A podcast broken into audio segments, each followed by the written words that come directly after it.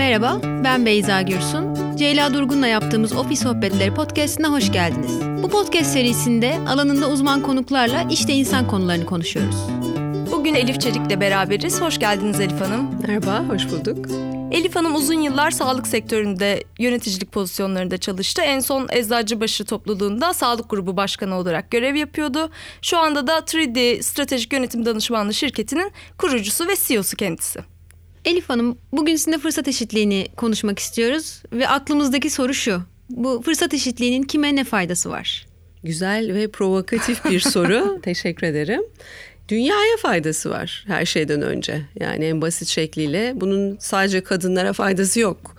Ee, zaten fırsat eşitliğinden sadece kadını da anlamıyoruz biliyorsunuz ki. Yani etnik grupları anlıyoruz işte renk, din, dil bütün bunlar da fırsat eşitliğinin içinde ama tabii en yaygın olarak da üzerinde konuştuğumuz konu cinsiyet eşitliği ya da toplumsal cinsiyet eşitliği diyoruz buna. Fayda şuradan geliyor. Dünya nüfusunun iki aşağı yukarı yüzde 50-50 olduğunu iki cinsiyet açısından düşünürseniz bu cinsiyetin biri erkek e, bölümü neredeyse yüzde 90 oranında ekonomiye katkı sağlarken Diğer bölümü yani kadın popülasyonu maalesef dünya ortalamalarında işte en fazla yüzde otuz civarında ekonomiye katkı sağlayabiliyor. Türkiye'ye gelirsek örneğin bu Türkiye'de yine işte ortalamada yüzde yirmi beşler otuzlar seviyesinde kalıyor. Kadınların ekonomiye katkı sağlama oranı. Keza bu anlamda yapılmış bir takım sıralamalar var ülkeler bazında. Türkiye tüm OECD ülkeleri içinde kadın erkek eşitliği anlamında yani bu ekonomiye katkı, haklar, bütün kazanımlar vesaire 130. sırada. Dolayısıyla çok gerilerde seyrediyoruz. Hem dünyanın bir sorunu ama Türkiye'nin daha da sorunu. O yüzden e, fırsat eşitliğini sağlamaya, dengelemeye dönük her girişimin çok büyük önemi var. Böyle görüyorum ben. Fırsat eşitliği konusunda yapılan pek çok çalışma var. Bunların da bir fark yarattığı yatsınamaz. Büyük, küçük, STK'lar olabilir, şirket uygulamaları olabilir. Pek çok açıdan pek çok çalışma yapılıyor. Ama herhalde bir şey var ki bu konunun gelişimini yavaşlatıyor. Hı hı. Hani bunun önündeki en büyük engel ya da bunu en fazla yavaşlatan faktör ne acaba? Çünkü World Economic Forum bir e, rapor yayınladı 2019'da. Evet. Bu dünya geneli bir rakam tabii ki. Kadınların gerçek eşitliği bekleme süresini açıkladılar. Hı hı. Bilmiyorum okudunuz mu ya da var evet, mı herhangi evet. bir tahmininiz? Kaç evet, yıl evet. bu? 250 yılın üstünde diye biliyorum. 257 yıl diye evet. açıkladılar. Aynen öyle. Evet. Dolayısıyla bu da bir yandan insanı bu konuyla ilgili yapılan çalışmalar evet. acaba etki etmiyor mu ya da bunun önünde gerçekten nasıl bir engel var sorusunu sormaya itiyor. Siz bu engelin ne olduğunu düşünüyorsunuz ya da böyle bir engel olduğunu yavaşlatan bir şey olduğunu düşünüyor musunuz? Düşünüyorum. Zaten rakamlar ortada. Dolayısıyla engeller hala var ve olmaya da devam edecek. Benim gözlemim tabii daha iş dünyasında ki fırsat eşitliğine ilişkin oradan yaklaşabilirim. Engel ne? Bir kere e, ne kadar eğitimli, ne kadar farklı pozisyonlarda olursak olalım farkında olmadığımız ön yargılarımızla büyüyoruz. Dolayısıyla kadınlar ve erkekler aynı eğitimlerden geçseler de aynı iş yerlerine neredeyse eşit oranda başvurup belki de eşit oranda yer bulsalar da ondan sonraki süreçte maalesef o farkında olunmayan ön yargılar ciddi şekilde etkili olmaya başlıyor. Zaten bu da rakamlarla gösterilmiş. Genel anlamda beyaz yakalıları mesela ele alırsak beyaz yakalılar eşit oranda işe başlıyorlar. Arkasından uzman düzeylerinde falan bu oran işte 60'a 40 yine kadınların biraz daha aleyhine ama aşağı yukarı normal bir seviyede devam ediyor. Daha üst rollere müdür, direktör rollerine gidildiğinde bu oran 70'e 30 şeklinde gidiyor. C-suite dediğimiz yani genel müdür ve üstü seviyelerde de %25'lere %20'lere doğru gidiyor. Şimdi bu neden önemli? Yani üst seviyelerde kadınların olması neden önemli? İşte tam da bu engelleri ortadan kaldırmaya dönük en ciddi aksiyonları alanlar kadınlar. Yani yukarıda ne kadar çok kadın olursa aslında bu yapılan fırsat eşitliğine dönük çalışmalar o kadar yerini buluyor, o kadar takip ediliyor, o kadar ciddiye alınıyor. Kadınlar çünkü yaşadıklarından da yola çıkarak daha fazla kadına bu anlamda rol modeli olmak ve destek olmak gibi bir misyon da üstleniyorlar. O yüzden farkında olunmayan ön yargılar dediğim şey kadınların daha büyük sorumluluk alabilecekleri rollerde önünü kesiyor. Yani X konuda örneğin satış müdürü atanacak. İşte bu çok seyahat gerektiren bir iş. Çok da farklı farklı müşteri gruplarıyla çalışılacak. Ya şimdi buraya bir kadını alacağız. Onun için zaten hayat daha zor. Evde bir çocuk var. İşte eşine karşı sorumlulukları var. Bir sürü başka sorumluluğu var. Ki bu aslında çok becerikli olmayı gerektiren de bir durum ama bunu bir yetenek olarak değil de bir engel olarak görüp o role eşit bile olsa erkeklerin atanması gibi.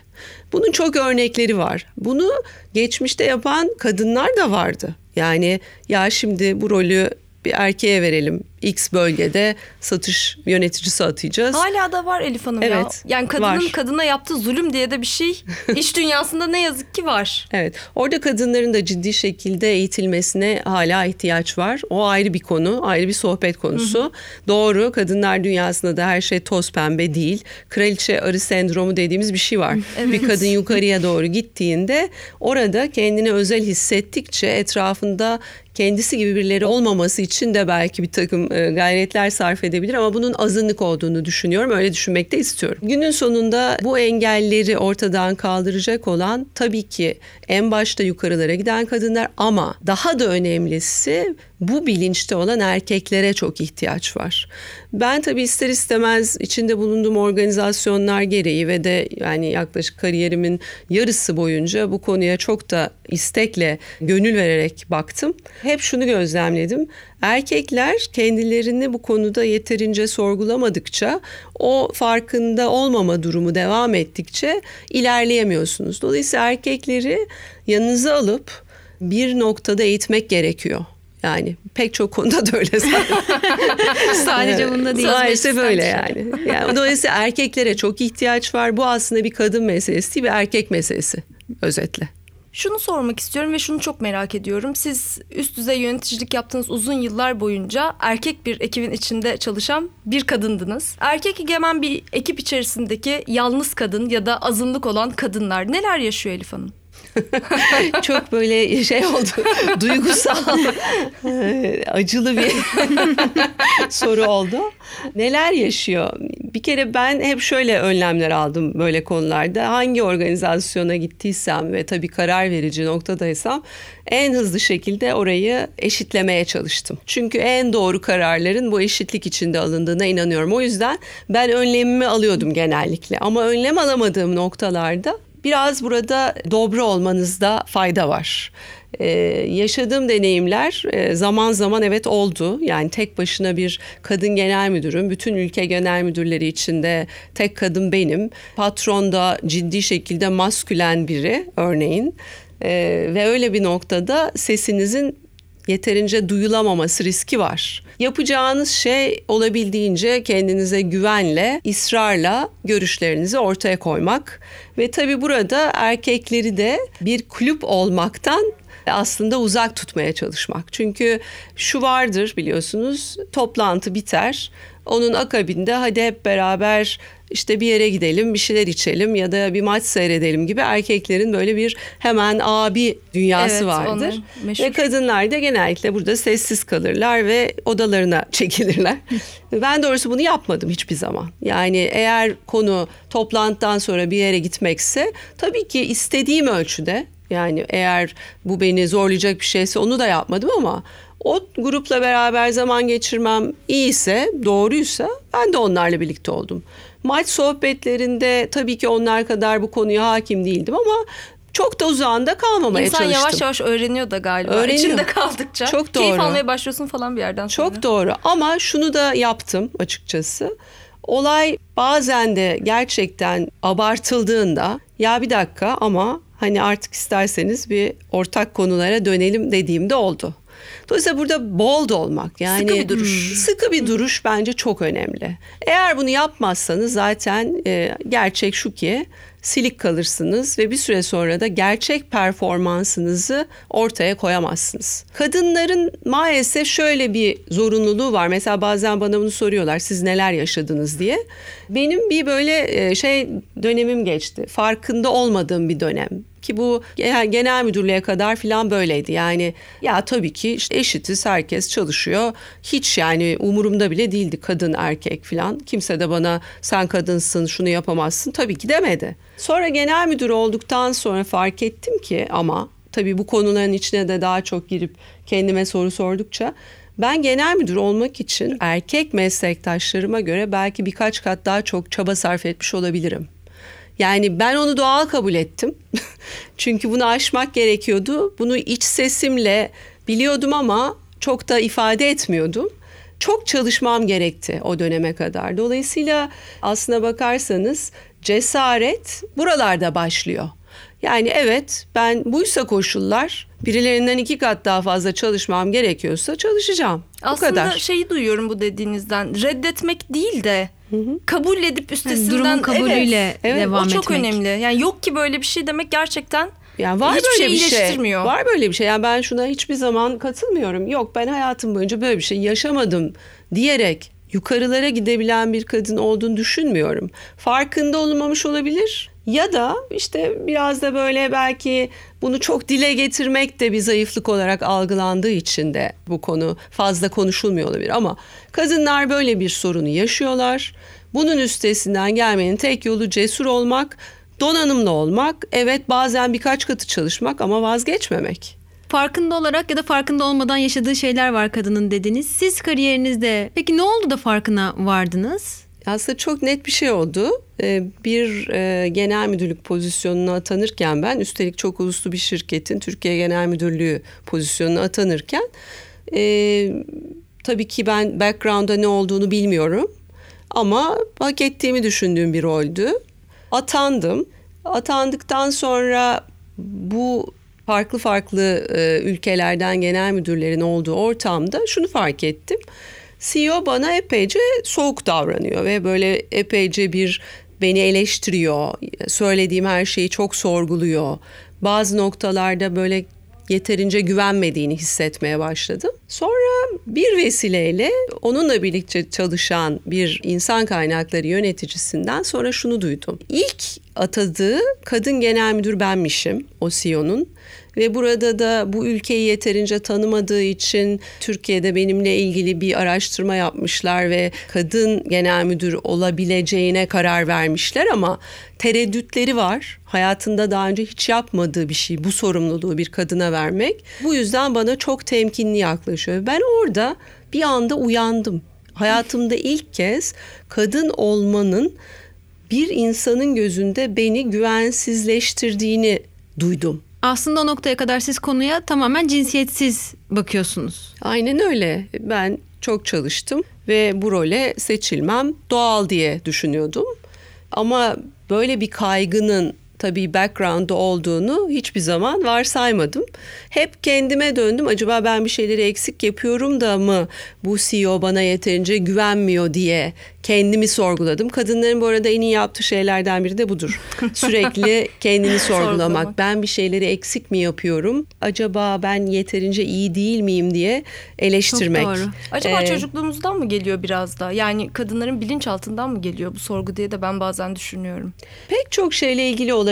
Yani olabilir bir takım belki çocuklukla ilgili ama şununla da ilgili olabilir. İş hayatında da belki bir şeyler yaşanarak bu söylediğim gibi bir ayrımcılıkla sen acaba doğru yaptın mı diye sorgulanarak büyüdüğü için kadınlar iş hayatında yani hep bir şüpheyle eğer büyüyorsa iş hayatında o kafasında bir irdeleme olarak alışkanlığa dönüşüyor olabilir.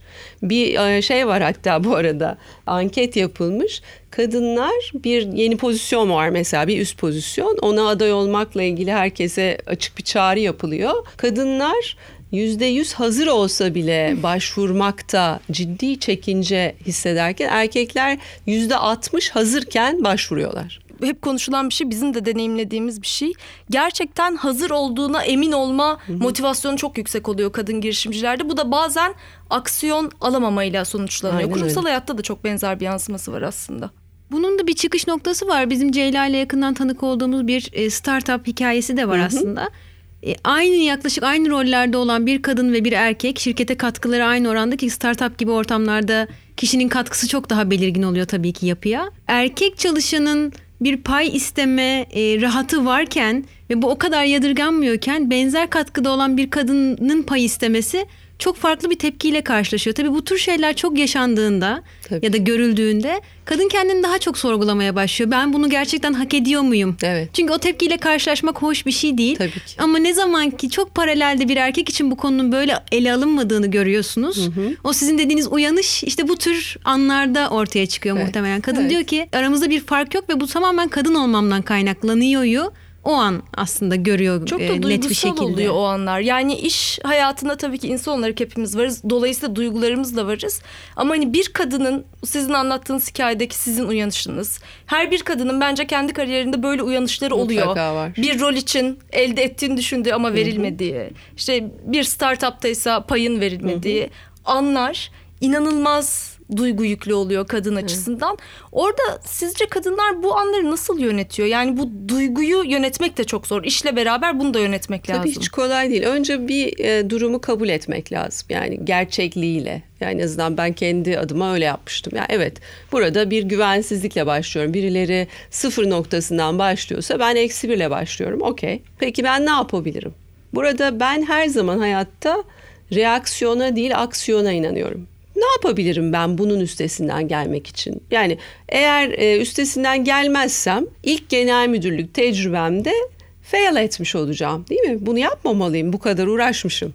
O zaman nasıl bir aksiyona geçmeliyim? Bunun için network çok önemli ve maalesef network konusu da kadınların yeterince iyi olmadığı bir konu.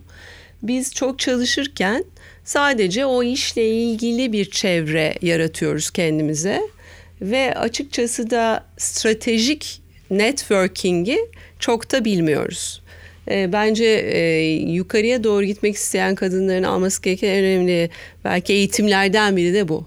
Yani oturup ciddi ciddi beni çok iyi çalışmama rağmen yanımda olup destekleyecek veya başım sıkıştığında bana destek olacak nasıl bir network e, olmalı? Buna kafa yormalı.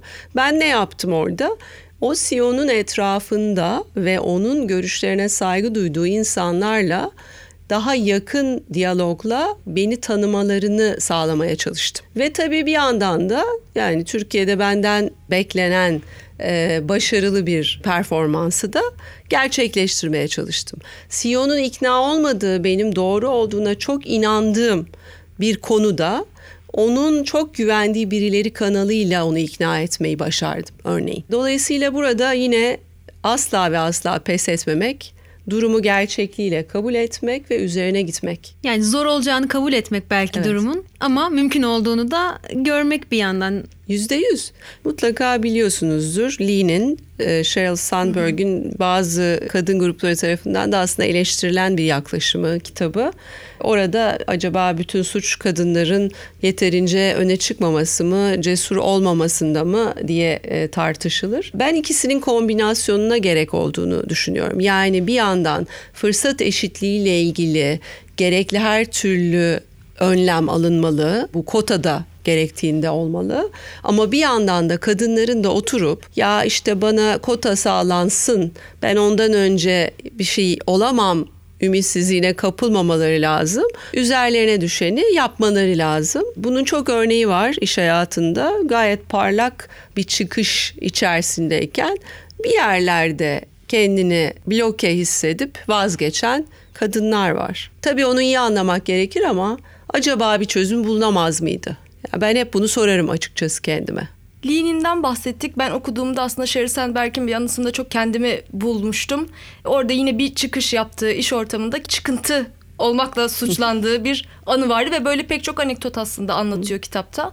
Belki de bunlardan da çok korkmamalı mı Elif Hanım? Yani çıkıntı olmaktan, bazen e, lakaplar takılacak olmasından da herhalde Tabii. korkmamak lazım. Ben o dersi çıkarmıştım kendime kitaptan. Evet aynen öyle. Yani ben de çok benzer şeyler yaşadım. Çıkıntı değil ama mesela bir uygulama ile ilgili benim büyük hayallerim vardı. Bunu işte genel anlamda yaygınlaştırmakla ilgili falan. Bana ne kadar çok fantazin var dedi birisi mesela. Aman Allah'ım. Ee, insan kendini tabii çok kötü hissediyor. Evet. Yani çünkü sen ona çok inanıyorsun ve çok erkek ortamındaydık. Bu bana çok ağır gelmişti. Sonra ben tabii ona başka türlü bir cevap verdim. Yani bunun bir fantazi değil, ayakları yere basan bir proje olduğunu ve bunun nasıl sonuçları olabileceğini anlattım. Ama tabii bazıları yeterince inandı, bazıları inanmadı. Ama günün sonunda evet bunları bence bir vazgeçme nedeni olarak görmemek lazım. Ya evet olabilir. Bu onu söyleyen insanların kendi sorunu. Siz bildiğiniz yolda ilerleyeceksiniz. Ama ne önemli? Yukarısı yani yukarıdaki yönetim kurulunun ya da CEO'nun bu konudaki tarafsızlığı ve desteği çok çok önemli. İşte o yüzden yukarılarda daha çok kadın olmalı diyoruz. Benim için de biliyorsunuz yönetim kurulunda olduğum hı hı. bir dernek var. Yönetim kurulunda Kadın Derneği. İlk başta biz bu derneği kurduğumuzda herkes şunu dedi bize. Ya Türkiye'de kadınla ilgili o kadar çok sorun var ki yani bu sizce bir numaralı konu mu? Yönetim kurulunda mı kaldık? Yani? Evet herkes bunu söyledi. En yakınımdakiler bile başka bir konu yok mu kadınla ilgili fayda sağlayabileceğin dediler. Biraz hani beni snob olmakla da aslında eleştirdiler. Öyle değil. Ne kadar yukarıda kadın ağırlığını arttırabilirsek aşağıdaki dünya değişiyor. Yani bu kesin yüzde yüz. Hem cesaret veriyor. Bak bu kadın yukarıya gitmiş.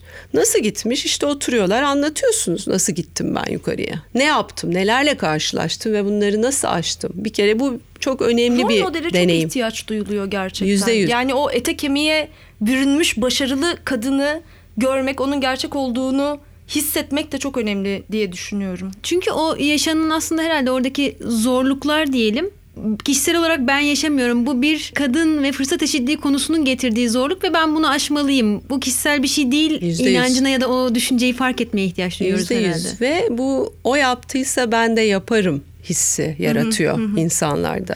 Ve o insanlarla da oturup konuştuğunuzda hiçbirinin uzaylı olmadığını, sizin geçtiğiniz yollardan geçtiğini ama belki en önemli farklarının da vazgeçmemek ve cesaret etmek olduğunu görüyorsunuz. Bu bence çok önemli. O yüzden de rol modelleriyle e, genç kadınları ya da kariyerinde e, hedefleri olan kadınları ne kadar sık bir araya getirirsek, e, onları ne kadar bir network'e döndürürsek o kadar faydalı. Biz de derneğimizde bu yüzden çok e, hani işbirlikleri yapıyoruz. Turkish Win mesela biliyorsunuz hı hı. E, onlar da genç kadınların kariyerlerinde büyük önem taşıyorlar. Çok ortak projeler yapıyoruz gibi. Bir kadın genel müdür olarak diğer genel müdürlerle ve kendi yöneticinizle yaşadıklarınızı dinledik. Ben şunu çok merak ediyorum. Bir kadın genel müdür olarak erkek çalışanlarınızla neler yaşadınız? Çok eğlenceli anılarımız oldu. Aslında e, çok güzel bir anımı da hatırlattı bu soru bana. Ben e, işte bir şirketin genel müdürlüğüne ilk atandım. Sonra dediğim gibi yaptığım ilk iş şöyle bir yönetim ekibine bakmak oldu.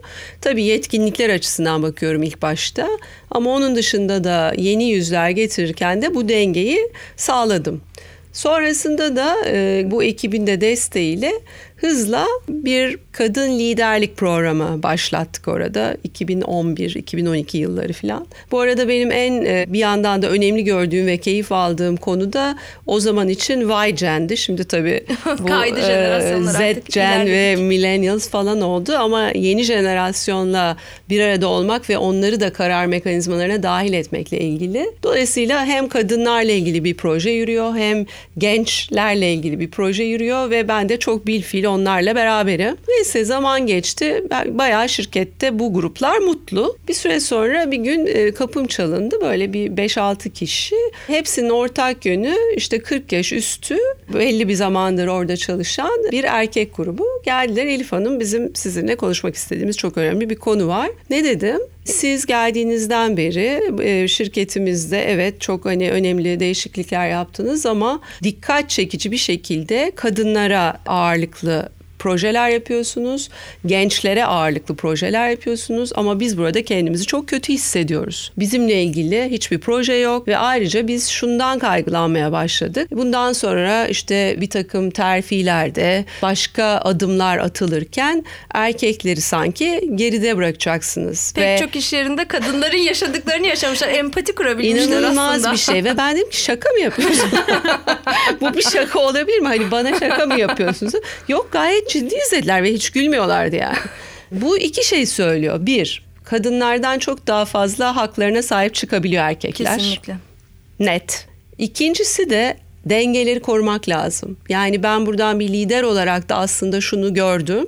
Evet çok inandığınız ve iyileşme alanı gördüğünüz konular olabilir ama bu arada da o büyük ekibin içinde birilerinin de kendini yok sayılmış hissetmemesi de lazım. Yani o dengeyi korumak da sizin Eşitlik göreviniz. aslında Eşitlik. yine. Sonra onlarla çevreyle ilgili bir proje yaptık mesela. Bir bahçemiz vardı. Oraya organik bir şeyler ektik hep beraber falan. Bir de öyle bir 40 O yaş üstü erkek yaptım ve e, ama seslerine kulak verilmesi önemliydi yani. Bu şu açıdan çok önemli. Bu özellikle kota uygulamaları bazı şeyleri terse çevirmek için ihtiyaç duyuluyor. Kadınlar tarafında da tekrar kota sebebiyle bir yere atanabilmiş gibi bir algıyı aşmak e, noktasına getirebiliyor kadını. Dolayısıyla herhalde o erkeklere de yapılan iletişim, bütün bu konular iletişimini bu yüzden de çok önemsemek gerekiyor. Çünkü onları işin içine dahil etmeden bir yere varamayacağımız için Tabii. bütün bu uygulamalar onların tepki göstermeyip destek olacağı bir noktada tutmak. Tabii. Gene tekrar da kadının ve fırsat eşitliğinin dolayısıyla Aynen öyle. Bunu da yarıyor. düşünmemiz lazım. Yani Ay. bir kadının düşünmemesi Bitmiyor. gereken bir şey yok. Ee, bitmiyor. Çok da doğru bir şeye aslında temas ettin Beyza. Bu kota konusu bazı kadınlarda da aynı kaygıyı yaratıyor. Yani kota yüzünden bir şey oldu denmesi bir kadın için aslında bir sürü emeğinde boşa gitmesi anlamına gelir. Bunu o yüzden çok güzel anlatmak ve çok objektif bir şekilde de işletmek lazım. Şunu kastetmiyoruz kotada. Daha az yetkin olmasına rağmen sırf kadın olduğu için birilerinin yönetim kuruluna ya da genel müdürlüğe ya da X direktörlüğe getirilmesinden asla bahsetmiyoruz. En az erkek aday kadar yetkin olan bir kadına öncelik verilmesini kastediyoruz. Yani yönetim kuruluna gidebilmesi için bir kadının zaten çok net bir donanımının olması lazım. O donanımda olmayan biri kadın da olsa erkek de olsa girmemeli yönetim kuruluna değil mi? Ama bugün ne oluyor?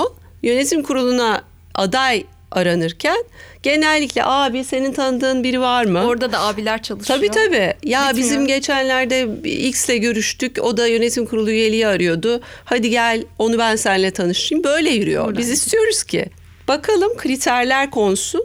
Kadınla erkek o kriterlerde eşitse tamam tercihimiz buraya bir kadın alın ki bugün Borsa İstanbul'a kote şirketlerde sadece yüzde on beşinde kadın üye var biliyor musunuz? Çok dramatik bir resim. Bu yüzde on beşinde yüzde yedisi aileden gelen kadınlar. Yani profesyonel olup da yönetim kuruluna girmiş kadın oranı yüzde yedi. Çok düşük bir rakam. O zaman da tabii çok yapacak işimiz var. Kesinlikle. Harvard Business Review'dan yakın zamanda Türkçe bir kitap yayınlandı. Thomas Perezum için Manpower grubun globalde üst düzey yöneticilerinden birisi. Kitabın başlığı doğrudan neden bu kadar yetkinliksiz erkek lider oluyor? Çok iyi bir aslında soru. çok iyi bir soru kesinlikle.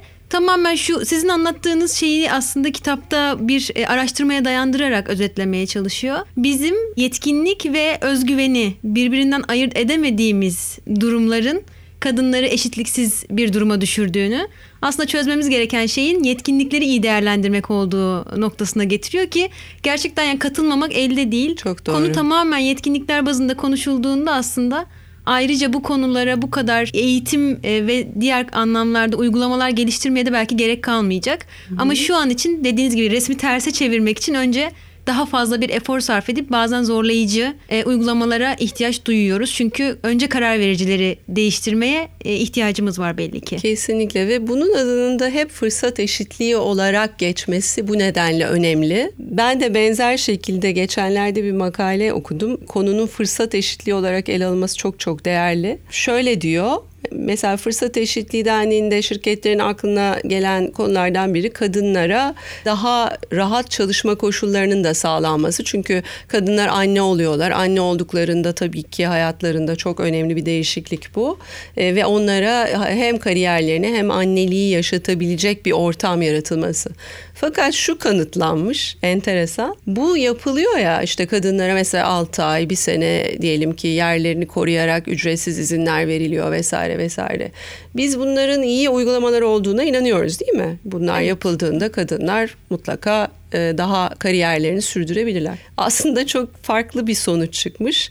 Kadınlar böyle bir dönemde izne çıktıklarında, akabinde geri döndüklerinde mutlaka kariyerlerinde tökezliyorlar. Çünkü bir sene yok oluyorlar ortadan ve orada hayat akıyor ve muhtemelen bir sürü fırsatlar da kaçıyor. O yüzden bu hakkın erkeklere de verilmesi lazım ve erkeklerin de buna teşvik edilmesi lazım. Çok Dolayısıyla bakış açılarımız çok değişiyor. Senin söylediğin de bir bakış açısı, farklı bakış açısı. Bir diğer konu son belki değineceğim. Lider tanımı çok değişiyor zaten. E, geçmişte o söz ettiğin daha böyle ön planda, daha karizmatik, daha belki sesi yüksek çıkan insanlar liderken ve erkeklerde doğal olarak bu biraz daha varken, kadınlar daha sessiz ve sakin yönetirken bugünün yeni jenerasyonuyla, startuplarla, o büyüyen unicornların işte patronlarıyla falan çok daha silik çok daha geri planda kalan, çok daha ekip olarak işi yöneten liderler aslında daha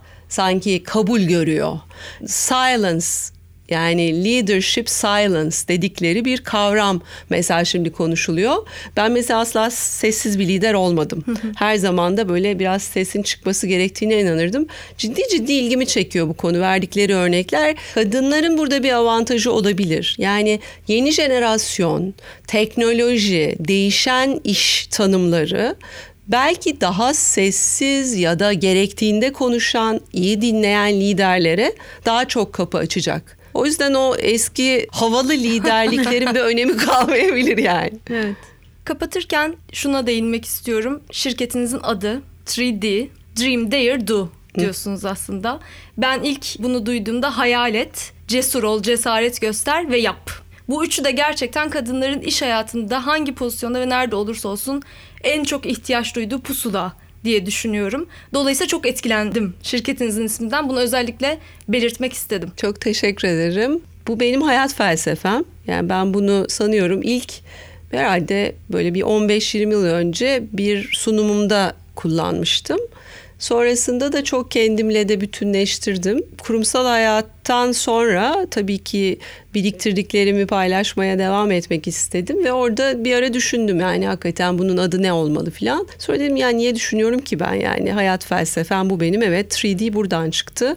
Onun için de hani beni dinleyen bugün bizle birlikte olan herkese de eğer hayatlarında bir şey başarmak istiyorlarsa bu illaki kariyer olmayabilir. Hayatta en büyük başarı nedir diye bana sorarsanız aslında bugün tabii bunu söylemek belki kolay ama mutlu olmak derim yani. Mutlu olmayı başarmak için de yine cesaret etmek, hayal kurmak ve harekete geçmek lazım. Onun için umarım biraz ilham olmuştur. Ceyla ve bana ilham olduğu kesin. Kesinlikle. Günlük hayatımızda bu mottonuzu kullandığımızı söylememiz lazım. Hatırlatıyoruz birbirimize de iki kadın girişimci olarak. Ne güzel. Ee, dolayısıyla teşekkür ediyoruz. Ben ee, çok Podcast'imize katıldığınız için de çok teşekkür ediyoruz. Çok Zevkti. keyifli bir sohbet oldu.